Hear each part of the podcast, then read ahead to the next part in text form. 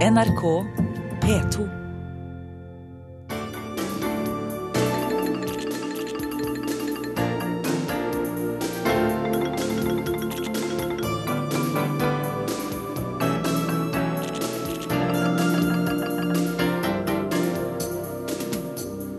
President Vladimir Putin hilser velkommen at Nato har valgt Jens Stoltenberg til ny generalsekretær. Putin tror dette kan bedre forholdet mellom Nato og Russland. Krig i fredstid blir det kalla. I New Mexico sitter soldater som styrer dødelige droner over Pakistan. Det er kanskje tilfeldig hvem som blir drepne av dronepilotene, forteller en ny norsk dokumentarfilm om president Obama sin bruk av droner mot militante islamister. De hemmelige tjenestene i Israel har satt i verk en stor PR-kampanje eh, for å hindre boikott mot israelske bedrifter. Det er stor frykt i Israel for at boikottene snart vil få momentum. Dårlig leding avslørte både når det gjelder cruisebåtforliset i Sør-Korea og det savna Malaysian Airlines-flyet. Hva er det som er problemet, får vi vite av vår Asia-korrespondent Anders Magnus.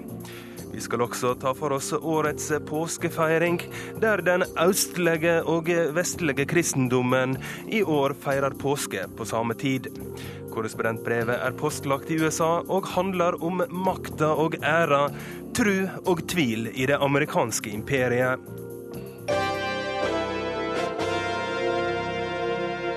Været på lørdag i studio Roger Severin Bruland.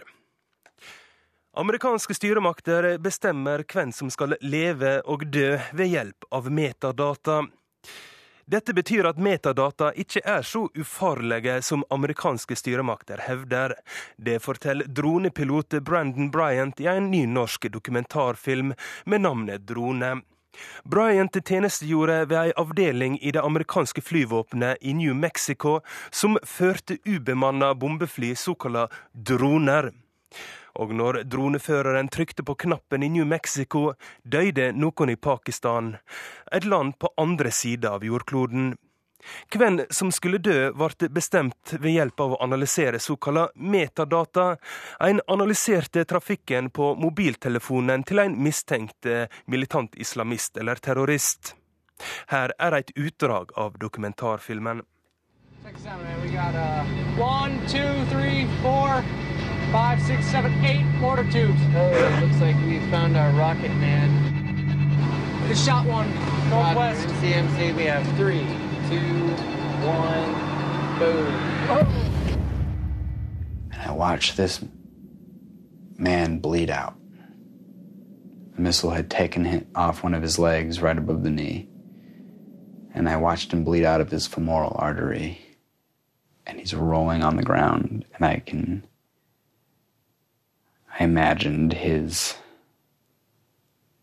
last moments.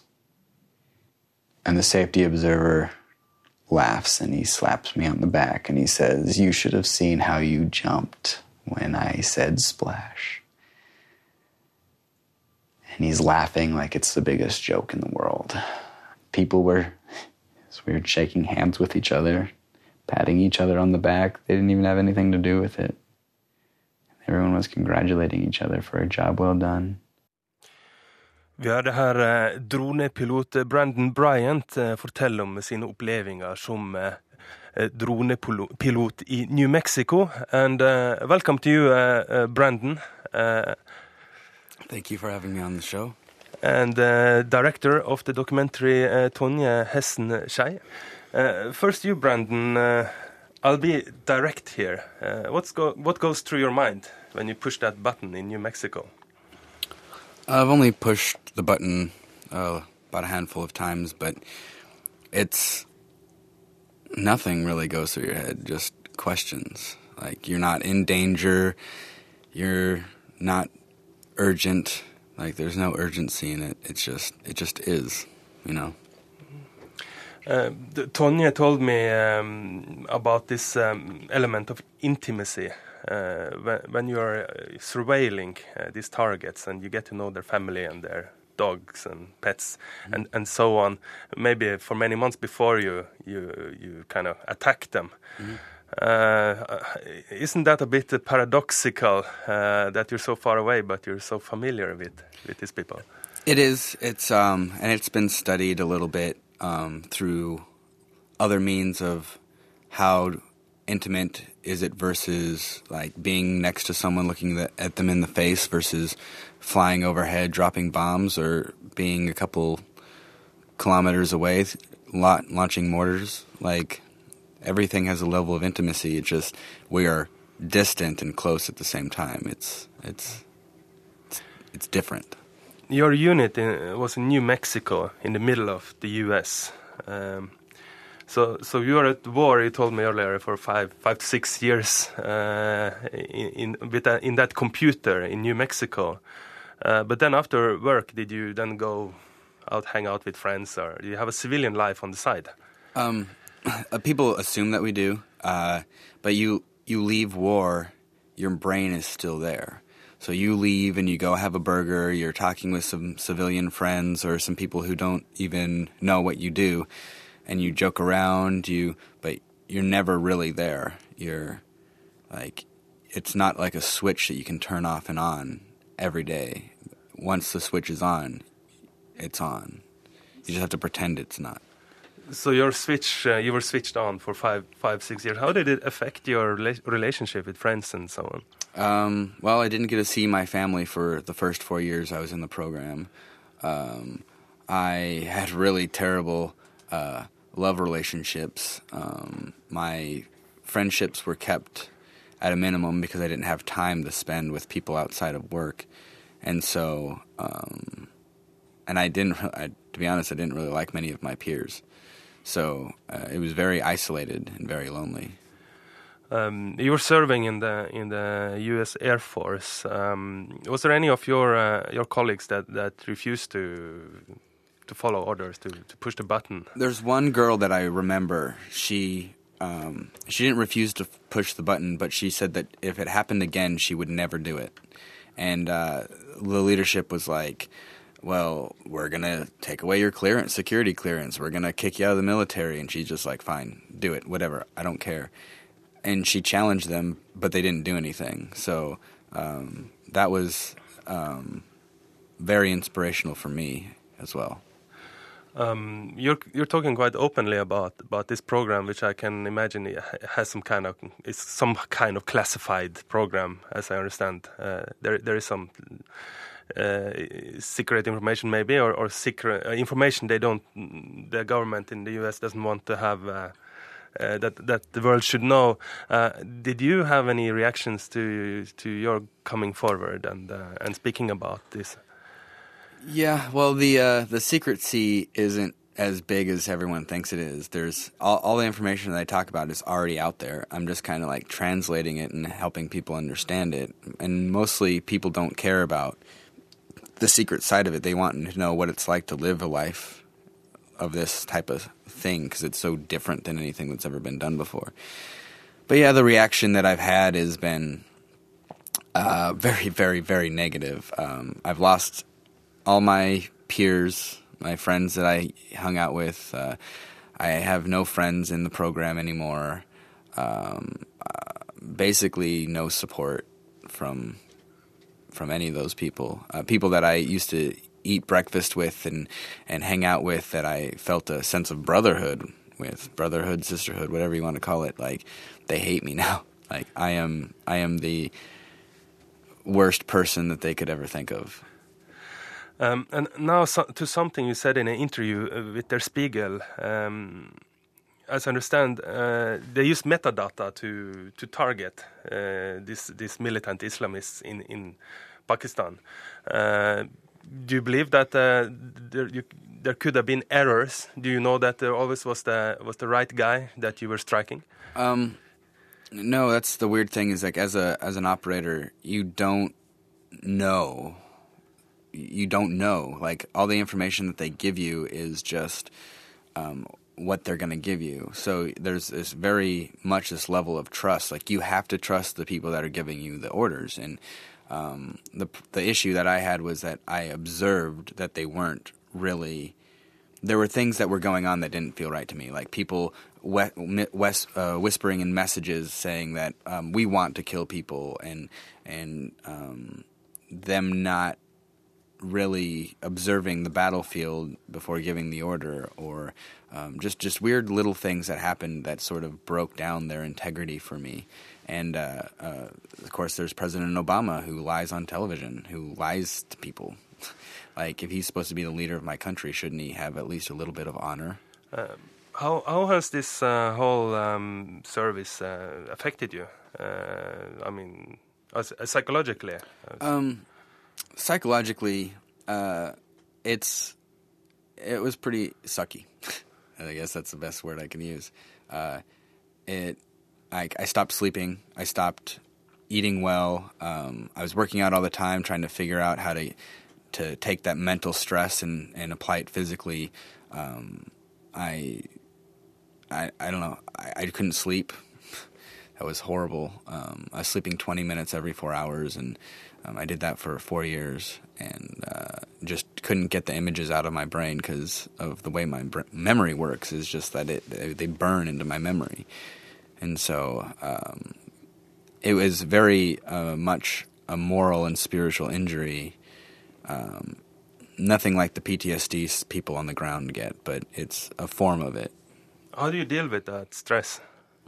Uh, well, I go into the woods and I basically taught myself how to do wilderness survival.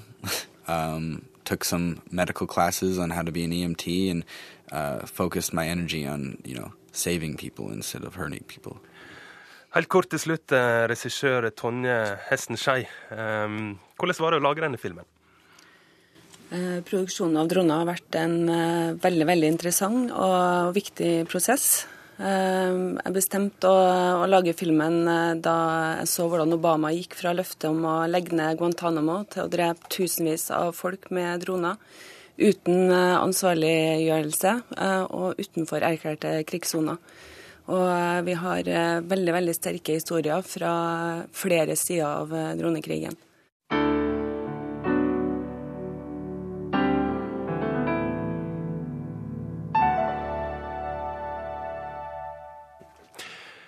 Vi skal videre til Ukraina. Hans-Wilhelm Steinfeld har uh, laga ei sak uh, fra Ungarn, der han uh, har intervjua den norske ambassadøren i Budapest, Tove Skarstein. Og hun forteller at Ungarn har ei svært austvennlig linje i sin utenrikspolitikk.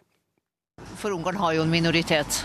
Den er, eh, føler seg selvsagt ikke truet, men da denne språkloven plutselig blir trukket tilbake, så var jo det negativt ikke bare for den russiske minoriteten, men faktisk også for den ungarske minoriteten. For det bor 200 000 ungarere, er det så mye i Vest-Ukraina? 150 000 regner man med, og så er det spørsmål hvem er det som føler seg ungarer, og hvem er det som føler seg uh, som ukrainere. Men ved valget nå så var det 64 000 uh, ungarere som bor i Ukraina, som stemte ved det uh, ungarske valg. Så det er mye tilknytninger. ja.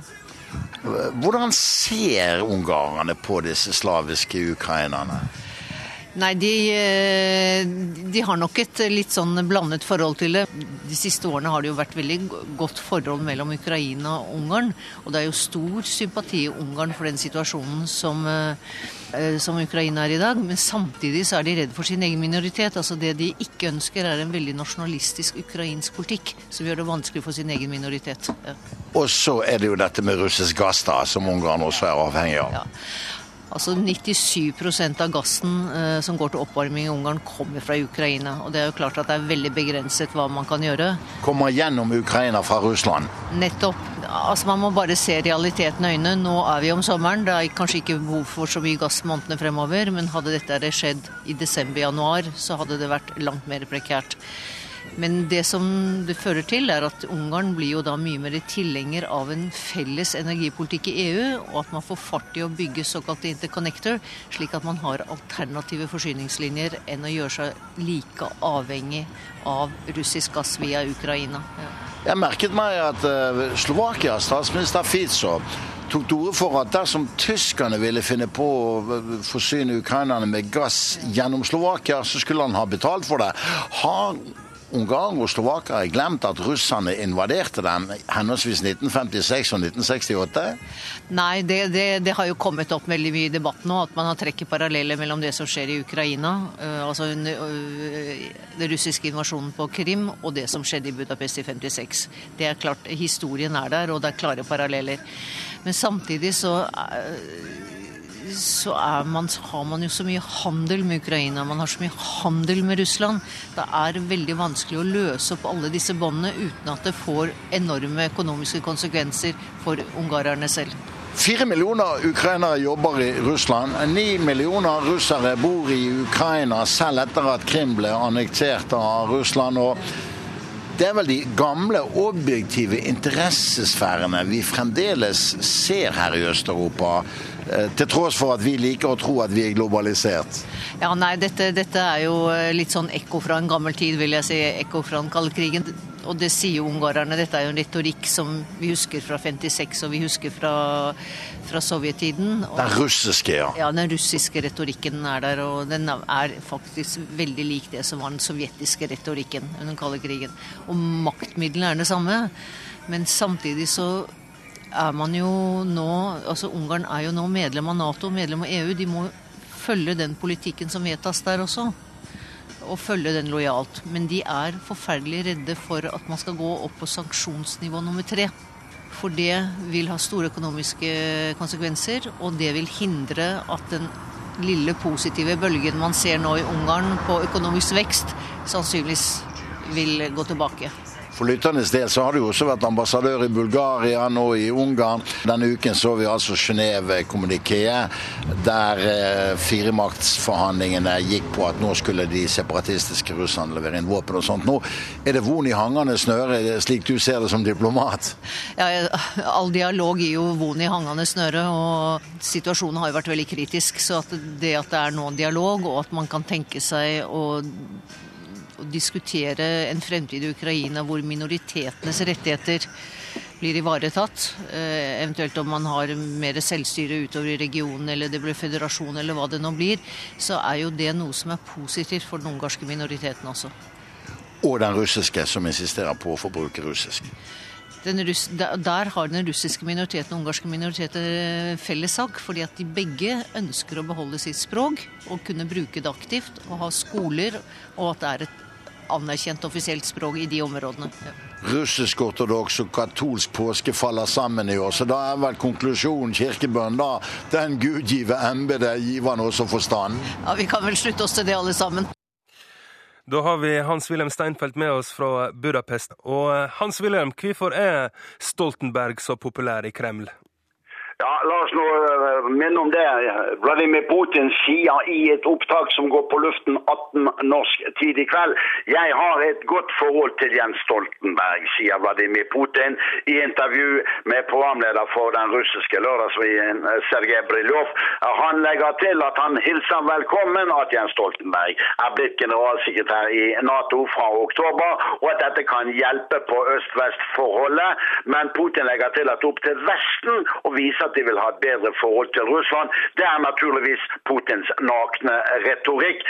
Bak dette ligger naturligvis det forholdet at Jens Stoltenberg fra 2005 klarte å engasjere Putin og russerne i et konstruktivt regionalt samarbeid i nordområdene under den tiden det var iskalde forhold mellom uh, USAs forrige president George Bush den yngre og Putin. Og dette får Stoltenberg betalt i form av komplimenter nå.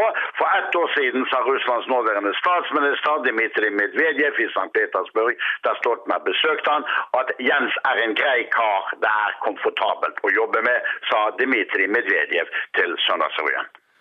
Nå eh, ble de jo samde om at disse her eh, væpna mennene i Øst-Ukraina skulle trekke seg ut og, og avvæpnes.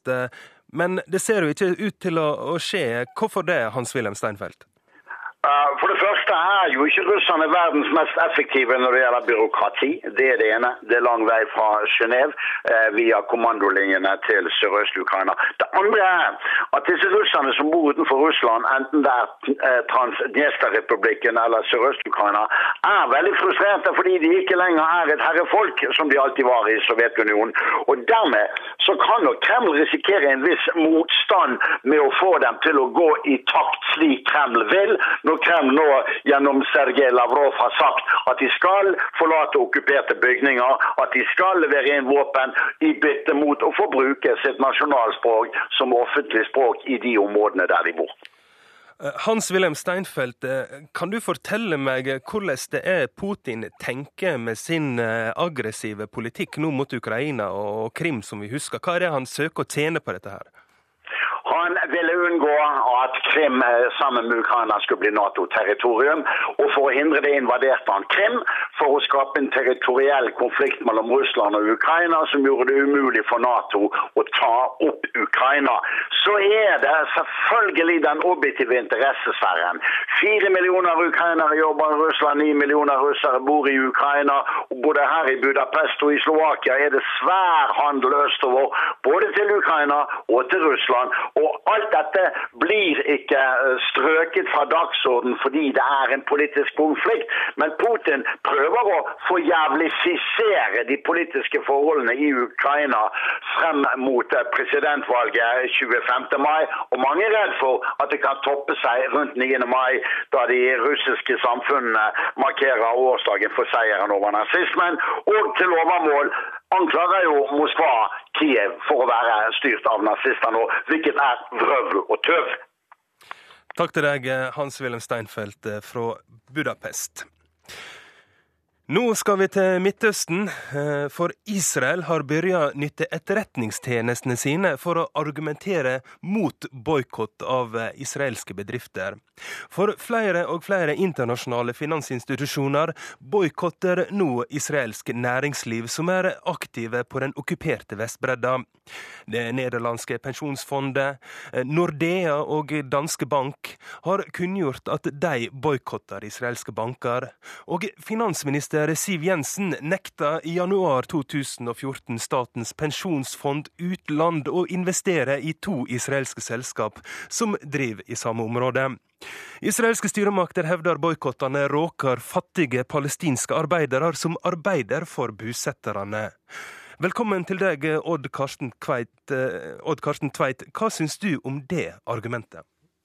Ja, dette er et argument som apartheidregimet i Sør-Afrika brukte i sin tid for å unngå en internasjonal boikott. De sa at boikott mot Sør-Afrika skader de svarte, de fattigste.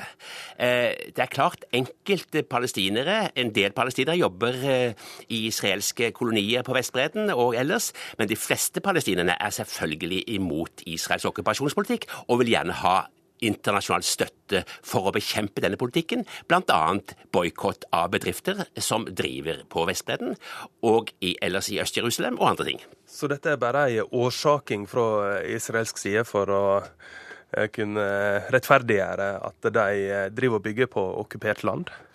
Iallfall så er israelerne veldig opptatt av denne saken. Og regjeringen frykter faktisk talt at denne bevegelsen, denne boikottbevegelsen, som også da har eh, det investment, altså at de vil at folk skal slutte å investere i, i israelske bedrifter som da opererer på Vestbredden, og at de skal ha andre sanksjoner. Regjeringen har sett dette så alvorlig at det ble holdt et hemmelig regjeringsmøte der statsminister Benjamin Netanyahu tok inn Mossad og Shin Bet, denne organisasjonen som eh, driver eh, overvåking, samt andre, for å se hva kan vi gjøre. Eh, Møtet var så hemmelig at de som var med på møtet, fikk ikke lov å si det, og ikke alle regjeringsmedlemmer ble med. Så nå har Israel satt i gang en svært omfattende kan du si, en kampanje internasjonalt, både med de hemmelige tjenester, men også med Utenriksdepartementet, for å bekjempe denne boikottbevegelsen gjennom elektroniske medier og andre metoder. Hemmelig møte, sier du. Hvordan eh, vet du om det? da? Ja, Det ble jo selvfølgelig lekket i Israel. Og eh, justisminister Sippi Livni eh, fikk ikke være med på dette møtet. Og hun sa at jeg har advart mot dette. Før eller siden kan vi våkne opp at denne boikottbevegelsen blir så stor at vi kommer til å virkelig lide. Er dette her noe nytt? Er det noe vi ser nå, en ny trend, at eh, dette her bare vokser og vokser? Forleden så hadde den største israelske TV-kanalen en 16 minutters lang reportasje om effektene av boikotten. De snakket med eh, bedriftseiere på Vestbredden som fortalte de tapte hundretusener av eh, dollar i måneden på for de fikk ikke selge bedriftene sine, selge varene sine. En advokat som var med i firmaet, han sa også at dette er på mange måter som en voldtekt. De vil heller ikke snakke om det. Mange vil ikke snakke om det, for de var redd for dårlig PR-effekt. Og nå eh, skal altså Hvor mange tusen eh, spioner eller etterretningsagenter er det som blir satt i sving nå for å snu eh, opp verdensopinionen? Det er å snakke om, eh, om ikke det er spioner, så er det veldig mange israelere som er engasjert i denne kampanjen. Ja, for, for eh, Israelsk etterretning opererer vel med sånn slags eh, heimevern der vanlige folk er rekruttert og arbeider på vegne av, eh, av, Israel? Men stort sett er det selvfølgelig da Utenriksdepartementet og andre organisasjoner som kjører dette løpet. Mossad de driver nok med, stort sett med andre viktige ting bak kulissene. Men, men hva går den konkrete den der eh, strategien ut på? Hva er det de skal gjøre for å overbevise oss om at vi ikke skal boikotte Eh, vestbreddeøkonomien? her? Ja, det er som du åpnet med å spørre om ikke dette skader palestinerne. Det er selvfølgelig et godt argument for at eh, Vesten ikke skal boikotte Israel, fordi at palestinerne blir skadet innen de mister jobbene sine. Og det skal da eh, komme inn i mediehus og Det har det kommet inn i mediehus. Det er en kampanje på gang fordi universiteter omkring i verden, organisasjoner omkring i verden, de begynner nå å bevege seg. Og det er en svær kamp. På den andre siden så er det det også israelske eh, som støtter boikotten. Og der har det kommet et lovforslag, eller snakk om at Israel skal sette inn lover mot de som støtter slike ting. Eh, en israelsk kollega sa det slik. Eh, han minte, minte han om en, en, en, romanfigur i Clash of Kings, der en slu liten dverg eh, eh, eh, snakket om at det, det, å kutte tungen av en person var ikke fordi personen snakket sant, men fordi man var redd for hva som ble sagt. Og det er det som er poenget. Man er redd for i Israel at denne bevegelsen skal få en tyngde gjennom internasjonale medier som den ikke har fått foreløpig. Takk til deg, Odd Karsten Tveit, og god påske. Nå skal vi snakke om åndelige ting, for pave Frans er blitt en profilert religiøs leder. Og etter litt over et år som pave har han markert seg på flere fronter. Og han går ikke av veien for ukonvensjonelle grep.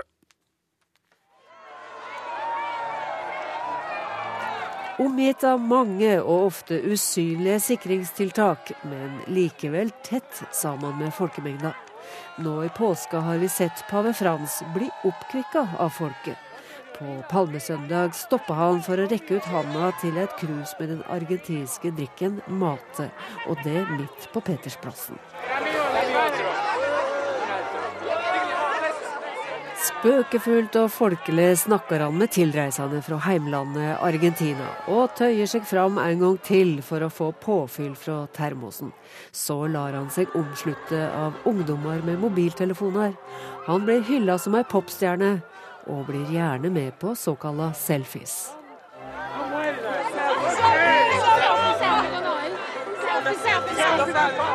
Pave Frans er elska der han kommer fra. Et fotballag er oppkalt etter han i Argentina, og han ser ut til å gå fri for all politisk skittentøyvask etter åra med diktatur.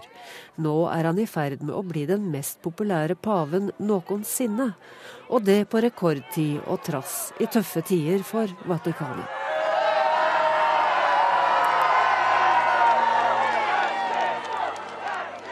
Dag etter dag samler folkemengdene seg fra fjern og nær på Petersplassen.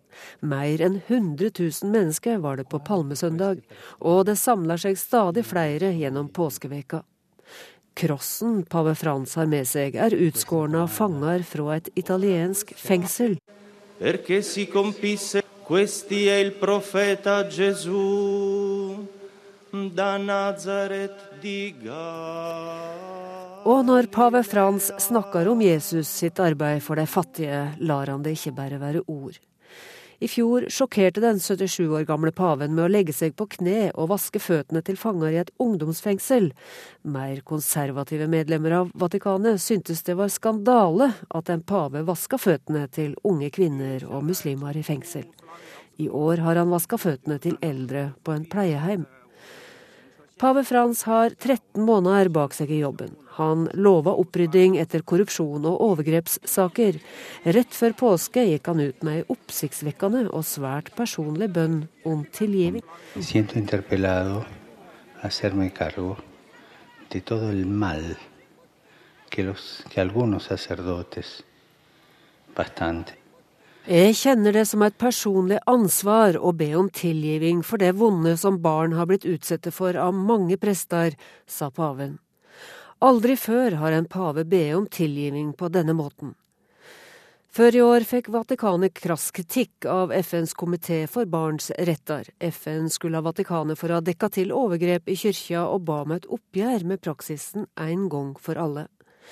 Dette ble tydeligvis dryg kost for paven. Han slo tilbake i et intervju med den største avisa i Italia, der han sa at ingen har gjort mer for å kjempe mot overgrep enn nettopp den katolske kyrkja. Nå, litt over en måned seinere, må paven ha kjent at han trong å ta sterkere i, og forsikre om at han står ved løftet sitt om opprydding. Det siste tiåret er det meldt om flere tusen saker der katolske prester har forgripet seg på barn, og måten sakene er behandla på varierer sterkt fra land til land. Men den Argentina-fødte paven, han var Jorge fra Buenos Aires, som gav et signal med å ta navnet til Frans av Assisi. Han har utfordra bankmakta og korrupt pengepraksis i Vatikanet. Dette har skaffa han mektige fiender, trulig også i mafiaen. I Roma går ryktene. Og mange som elsker pave Frans, mener han må være forsiktig. Men den folkekjære paven bryter stadig vekk sikkerhetsråd og rekker fram handa til mennesker rundt seg.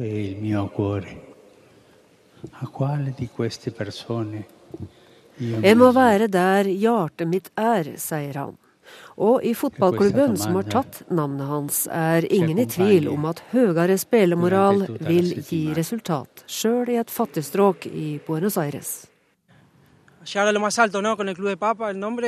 El nombre significa mucho para nosotros y tenemos que representarlo bien. Navnet betyr mye, vi skal kjempe hardt for å ære det, sier fotballtreneren. Pave Frans ble kåra til årets navn av Time Magazine i fjor. Men for en pave som drikker sin mate med folket på Petersplassen, er det trolig minst like stas å havne på T-skjortene til et fotballag i Argentina. Det var kollega Sigrun Slappgard som hadde laga denne reportasjen. Nå skal vi til Etiopia og verdens eldste kristne kirke. Tom Kristiansen har besøkt de ortodokse kristne der, og tradisjonene går helt tilbake til urkristendommen.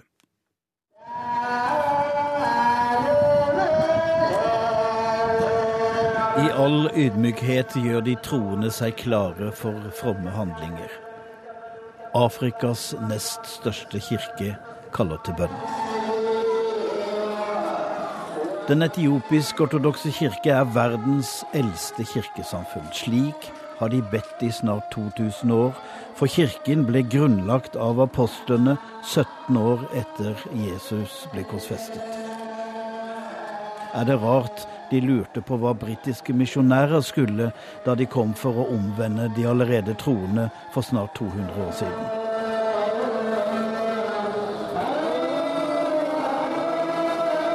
Hvordan kan deres tro og de kompliserte ritualer ha blitt bevart siden aposteltiden? De færreste av de troende har opp gjennom århundrene verken kunnet lese de hellige skrifter eller skrive dem av. Men troens inderlighet lever her, i røyken fra røkelseskarene.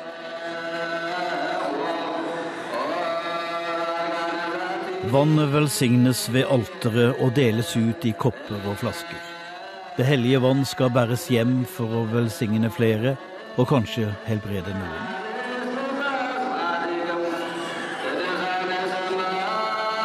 Kirken er sjenerøs med sine velsignelser. Nattverden deles ut, den er også for barna. Ja, selv spedbarn får en teskje.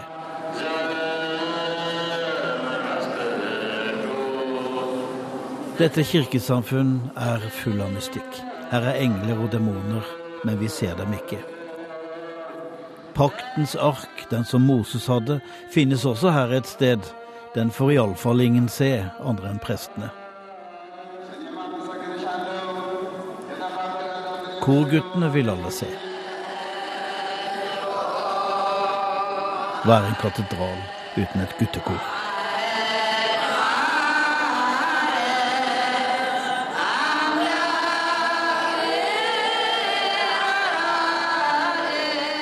De ortodokse er fortsatt midt i fastetiden.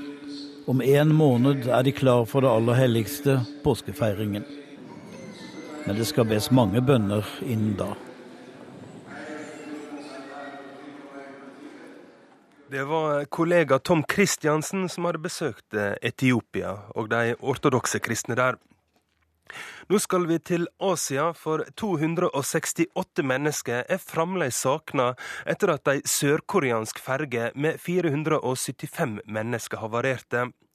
Og fremdeles leter de etter dette Malaysian Airways-flyet Airways 370 utenfor Australia. I begge ulykkene får styremaktene hard kritikk for manglende lederskap. Og jeg har med meg Asia-korrespondent Anders Magnus. God påske til deg, du er med oss fra Beijing. Har, har, disse to, ja, takk, har disse to ulykkene avslørt grunnleggende inkompetanse i asiatiske byråkrater? Nei, det vil jeg ikke si. Det er uh, ingenting som har vært i veien med den redningsoperasjonen og den innsatsen som uh, myndighetene i Sør-Korea har gjort etter dette forliset. Derimot i Malaysia så uh, fortjener nok myndighetene kritikk pga. Eh, inkompetanse når det gjelder eh, informasjon, i særlig grad til de pårørende. Og kanskje også når det gjelder en del tekniske undersøkelser av hva som har skjedd. Men det var jo også et svært vanskelig tilfelle. Og slik eh, letingen har kommet i gang nå utenfor Australia, så er det jo et godt lederskap. Det er jo da også et australsk lederskap. Jeg vil si at inkompetansen her den er vel først og fremst på et lavere nivå, og særlig i Sør-Korea, så illustrerte det nå hvordan ledelsen i, på skipet gjorde en rekke feil som førte til at så mange mennesker mistet livet. Ja, for eh, kapteinen hadde bedt eh, passasjerene om å bli om bord og vente på å bli redda. Ja, Han trodde jo han skulle klare å rette opp skipet. Det som var den viktigste feilen, var kanskje at han overlot roret til en uh, ungdom som uh, på noen og tyve år som ikke hadde seilt leden før, og heller ikke var på broen for å rettleie den ungdommen. Uh, og Nå er han jo arrestert sammen med han som førte skipet pga. Anklager om svikt i ledelse og i, gjennomføringen av jobben. Og Det er mange som tror at denne unge skipsføreren gjorde en, en, veldig brå vending som førte til at noe av lasten forskjøv seg. At det førte til, til denne Eh, kullseilingen, men det vet man som sagt ikke ennå. Men, eh, men, det er jo uansett en kjempetragedie, og hvor de pårørende er eh, rasende. Anders Magnus, begge disse her tragediene, så har vi et voldsomt raseri blant de pårørende. Kan du bare fortelle litt hva det er som ligger bak dette her raseriet? Når det gjelder eh, flyet, så er det nok litt spesielt. Her er det de kinesiske pårørende som har vært sintest. Eh, og det henger nok sammen med det at de er vant til at deres egne myndigheter bare forteller eh, deler av sannheten til dem selv. Og det har de trodd også at malaysiske myndigheter har gjort. Så de har beskyldt de myndighetene for løgn og bedrageri. Mens de malaysiske pårørende har vært mye roligere. Når det gjelder eh, i eh, Sør-Korea, så er nok raseriet først og fremst rettet mot rederiet og skipsføreren som har gjort disse feilene som har ført til at eh, så mange ungdommer trolig har mistet livet. Takk til deg, Asia-korrespondent Anders Magnus. Det vesle Balkanlandet Makedonia har siden 2005 eh, vært en offisiell kandidat til medlemskap i EU. Men søknaden har stranda pga. en navnestrid med nabolandet Hellas. Nå er makedonsk ungdom lei av å vente på EU, og de tar grep på egen hånd for å skaffe seg arbeid og ei framtid. Det er langt fra byens kjas og mas. De fleste unge her har reist fra rismarkene til byen for å skaffe seg arbeid. Enough, uh, Men bygutten Jane Kristenski går mot strømmen. Han har pantset huset og investert alt han eier på sauehold. Og den nybakte sauebonden mener arbeidsløs ungdom både i Makedonia og i EU bør slutte å klage og sette i gang og skape sin egen arbeidsplass. uh, which they want for beneficial which they want with, with salary which they want but uh, I think that they don't ask the real question which uh, my very good friend asked me when I was complaining with the same things. He said, "Why you don't try it by yourself then?" So. Det er ei høy læringskurve for den unge bonden. Heldigvis finnes det dyktige drenger som kan hjelpe til med å holde styr på flokken. Eldstemann er 94 år gammel. Han kom med gården som Kristenski leier av staten. Han har gjeta sauer hele livet. Men Kristenski har oppdaga at det å drive jordbruk har sine utfordringer. Prisen på lammekjøtt har gått ned. So, for the first year it's bad experience, but like, like old people say that what can kill you, it only make you stronger. So. Og styremaktene er en viktig medspiller i tøffe tider. Den nyvalgte borgermeisteren i kommunen er fra det konservative regjeringspartiet.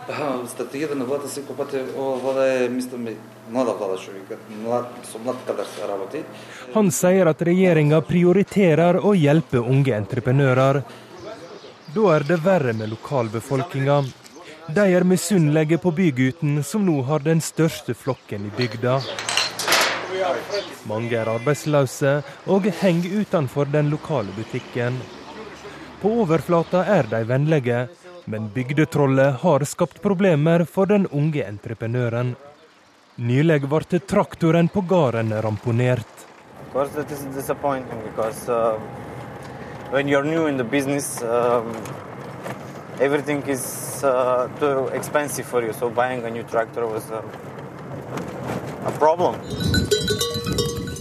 Men fordelene veier likevel opp for bakdelene. Jorda er grøderik, her er det mye gratis mat for sultne sauer.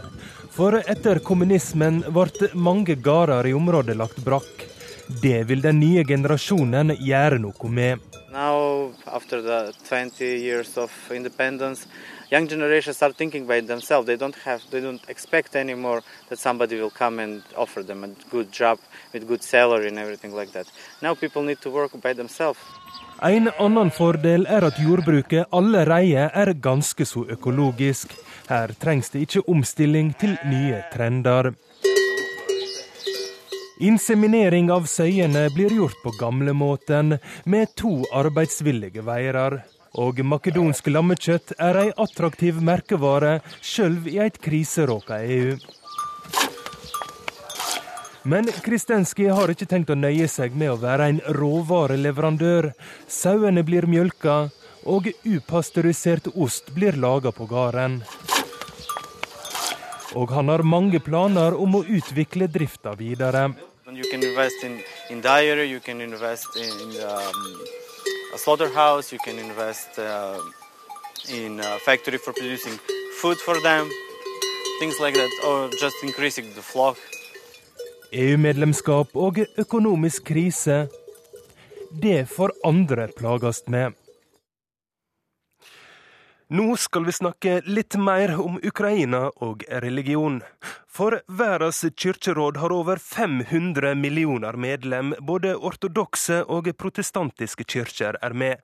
Nordmannen Olav Fikse Tveit er generalsekretær. Da jeg snakka med han i går, forteller han at den russisk-ortodokse kirka vil bidra til å dempe spenninga mellom Russland og Ukraina. Altså det er et veldig sammensatt forhold her. Eh, Kiev er den russiske ortodokse kirkas vugge, måtte deres Nidaros. Eh, slik at det å ha et nært forhold til Kiev og til Ukraina er veldig viktig. Og den store ortodokse kirka i Ukraina tilhører Moskva, på Trajkatet. Så det er en nær forbindelse der. Så det er et veldig sammenvevd forhold? Det er veldig sammenvevd. Og, og denne kirka den består jo da av halvparten av befolkningen i Ukraina. Det vil si veldig mange ukrainere, og også russere. Og, og de mest uh, ivrige kirkegjengerne er nok ukrainerne, faktisk. slik at uh, de representerer jo da et ukrainsk fellesskap som da er veldig knytta til Russland. Så nært knytta til Russland at den russisk-ortodokse nok vil gjøre alt den kan for å unngå at det skal bli en krig mellom Russland og Ukraina. Den russiske patriarken Kiril er jo en eh, Putin-venn. Hvordan stiller han seg i denne konflikten? Han har eh, sagt flere ganger at eh, man må finne fredelige løsninger, at man må holde Ukraina sammen. Eh, og den ukrainske befolkningen må få hjelp til å finne ut av dette sjøl. Eh, han har jo også, etter det jeg kan forstå, prøvd å, å dempe eh, gemyttene og prøve å, å dempe motsetningene. Eh, gjennom henvendelser som vi vet er offentlige, men sikkert også private henvendelser overfor, overfor ledelsen i Russland. Korrespondentbrevet kommer i dag fra USA. Stalin likte dårlig at den daværende lederen for det amerikanske kommunistpartiet, J. Lowstone, propaganderte for at USA, takket være de enorme naturressursene, den industrielle utviklingen og fraværet av rigide sosiale klasser, måtte følge en egen vei fram mot det kommunistiske samfunnet. Den slags amerikanske eksepsjonalisme ville ikke Stalin ha noe av i den kommunistiske bevegelsen, og Lowstone ble avsatt og ekskludert fra partiet. Selve grunntanken, at USA representerte noe helt for seg selv, var ikke ny. Allerede på 1600-tallet snakket britiske kolonister om Nord-Amerika i bibelske termer, et rent og jomfruelig land, fritt for de historiske rivaliseringene som hadde forårsaket så mange konflikter og kriger i den gamle verden, Europa. Den franske politiske filosofen Alexis de Tocqueville beskrev landet som eksepsjonelt i en bok som kom ut i 1840. Fraværet av aristokrati og arvelig kongedømme, den religiøse puritanismen som preget mange av innvandrermiljøene, og vekten på individet og egeninteressen som noe positivt, alt dette mente Tocqueville utgjorde grunnlaget for den særegne formen for demokrati. Med andre ord, amerikansk eksepsjonalisme er noe langt mer enn den følelsen av overlegenhet og rett til å styre verden som lå under da president George W. Bush kunngjorde at USA ikke ville la seg styre av FNs manglende handlekraft, og så gikk til krig i Irak. Her om dagen spurte jeg noen tilfeldig forbipasserende om hva de forbinder med amerikansk eksepsjonalisme.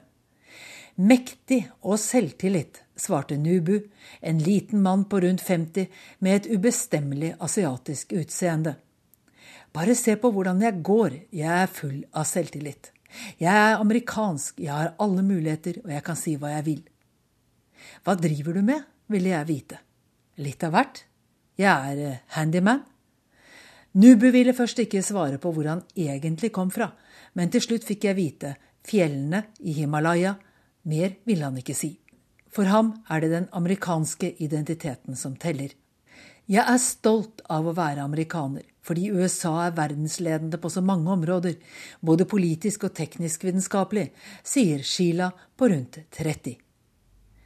Amerikansk eksepsjonalisme? Andrews spytter ordene tilbake i åpenbar forakt. Den dresskledde 60-åringen har lite til overs for ideen. Eksepsjonelt voldelig, Eksepsjonelt rik, uansvarlig eller omnipotent. Ikke be oss om å lede verden mer enn vi gjør. Det hjelper ingen, heller ikke oss, mener Andrew. Ingen skal fortelle oss hvordan og hvor vi skal bære våpen. Dette er Amerika, sa en gruppe republikanere jeg møtte i Texas for en stund siden. Tar du fra oss våpnene, kan vi like gjerne dø, la en av dem til. Den type holdninger er det få av i mitt nabolag her i utkanten av Washington DC. Derfor har jeg en kopp fra Texas stående i vinduskarmen på kjøkkenet, for å minne meg om at USA er mer enn DC. På koppen er det bilde av en cowboy som skyter med en pistol i hver hånd. Gir du fra deg våpnene, gir du fra deg friheten, står det. I slike miljøer er det helt naturlig å tenke at det enkleste er pistol, også i internasjonale konflikter. Still Hours to Lead, det er fortsatt opp til oss å lede, er tittelen på en bok som ble gitt ut av den liberale tenketanken Brookings nylig. Jeg spurte forfatteren Bruce Jones om hvorfor USA skal lede verden. Fordi vi er de eneste som kan, de eneste som har tilstrekkelig økonomisk, politisk og militær makt, sa Jones. Det er bare vi som kan avskrekke andre land fra aggressiv opptreden i Europa, Asia og Midtøsten. Vi har også et unikt forhold til allierte og andre land vi samarbeider med, inkludert Kina. Amerikansk ledelse hindrer at rivalisering og konkurranse blir dominerende på bekostning av handel og samarbeid. Vår makt hindrer krig mellom Saudi-Arabia og Iran, mellom Kina og Japan, og forsvarer Europa mot Russland, argumenterer Jones. Min innvending om at borgerkrigen i Syria og Russlands annektering av Krim kanskje vitner mer om avmakt, preller av fordi uten USA ville alt vært mye verre. Men hva sier folket? Meningsmålingene gir politikerne klar beskjed. Slutt å løse verdens problemer. Og verden har det bedre med delt lederskap enn om ett land leder. Men, og det er viktig, et stort flertall mener det er uakseptabelt om et annet land blir like sterkt som USA, militært sett. En av utfordringene blir å overbevise vårt eget folk om at vi må bruke den makten til å fortsette å lede, sier Jones. Men amerikansk eksepsjonalisme er altså mer enn militærmakt og ledelse i internasjonal politikk. Ta min himalayiske bekjente fra gata, Nubu. USA som mulighetenes land var egentlig hans definisjon. Det var det samme filosofen og historikeren Tocqueville så på 1800-tallet. Amerika var landet uten klasser i europeisk forstand, der heller ingen formelle laugsregler hindret folk i å komme seg opp og fram. I Amerika har det aldri eksistert et misfornøyd proletariat, fordi proletarene ble rike, hevder to nåtidige samfunnsforskere. Men det siste er ikke helt riktig. 46 millioner amerikanere, eller 15% av befolkningen, lever i fattigdom.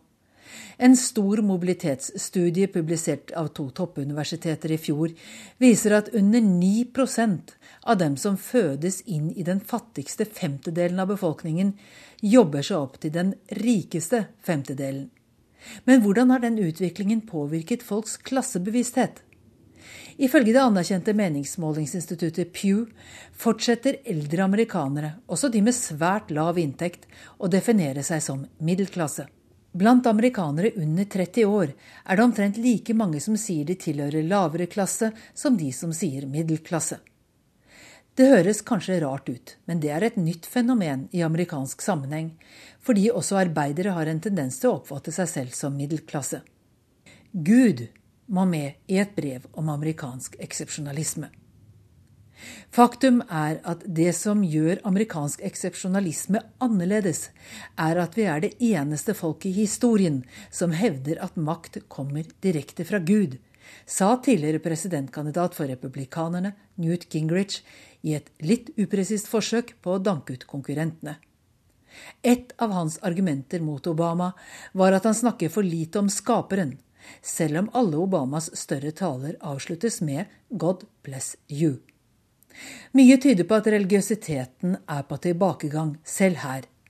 Én av fem sier at de ikke er religiøse i det hele tatt, og amerikanerne går mindre i kirken. Er du ung og singel, er sjansene for at du ikke går i kirken, riktig høy. For 40 år siden var det nesten ingen som ikke tilhørte et kirkesamfunn. I dag gjelder det hver femte amerikaner. Men det skyldes mer at folk er kritiske til prestene og kirken som institusjon, mener de som forsker på sånt. Kirkelig homofobi, abortmotstand og kritisk holdning til feminisme har drevet mange unge bort fra kirken. Jeg spør iblant folk jeg treffer om det hadde vært mulig for en erklært ateist å bli president i USA. Nei, svarer de fleste. Hvordan ville det f.eks. være å sende amerikanske soldater ut i en krig langt unna uten et God bless you med på ferden? Uten en forståelse om at det finnes et liv etter dette. Da snakker vi om et annet Amerika, som en venn sa det. Og det på tross av at USA, i motsetning til mange europeiske land, ikke har noen statsreligion. Grunnlovens First Amendment forbyr den føderale regjeringen å iverksette lover som inneholder religiøse pålegg eller forhindrer fri religionsutøvelse. Derfor er det også sparsomt med offentlige fridager i forbindelse med religiøse høytider. Påsken har ingen nasjonale fridager, men 14 stater har valgt å ta langfredag fri.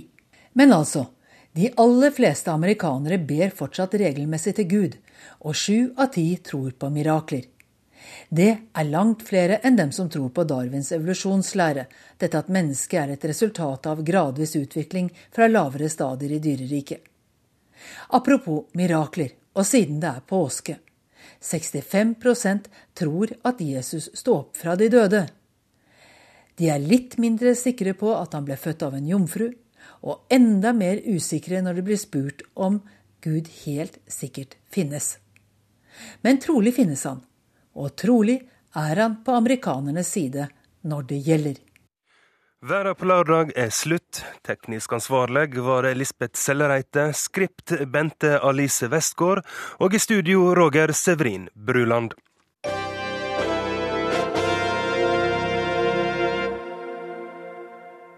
Hør flere podkaster på nrk.no podkast.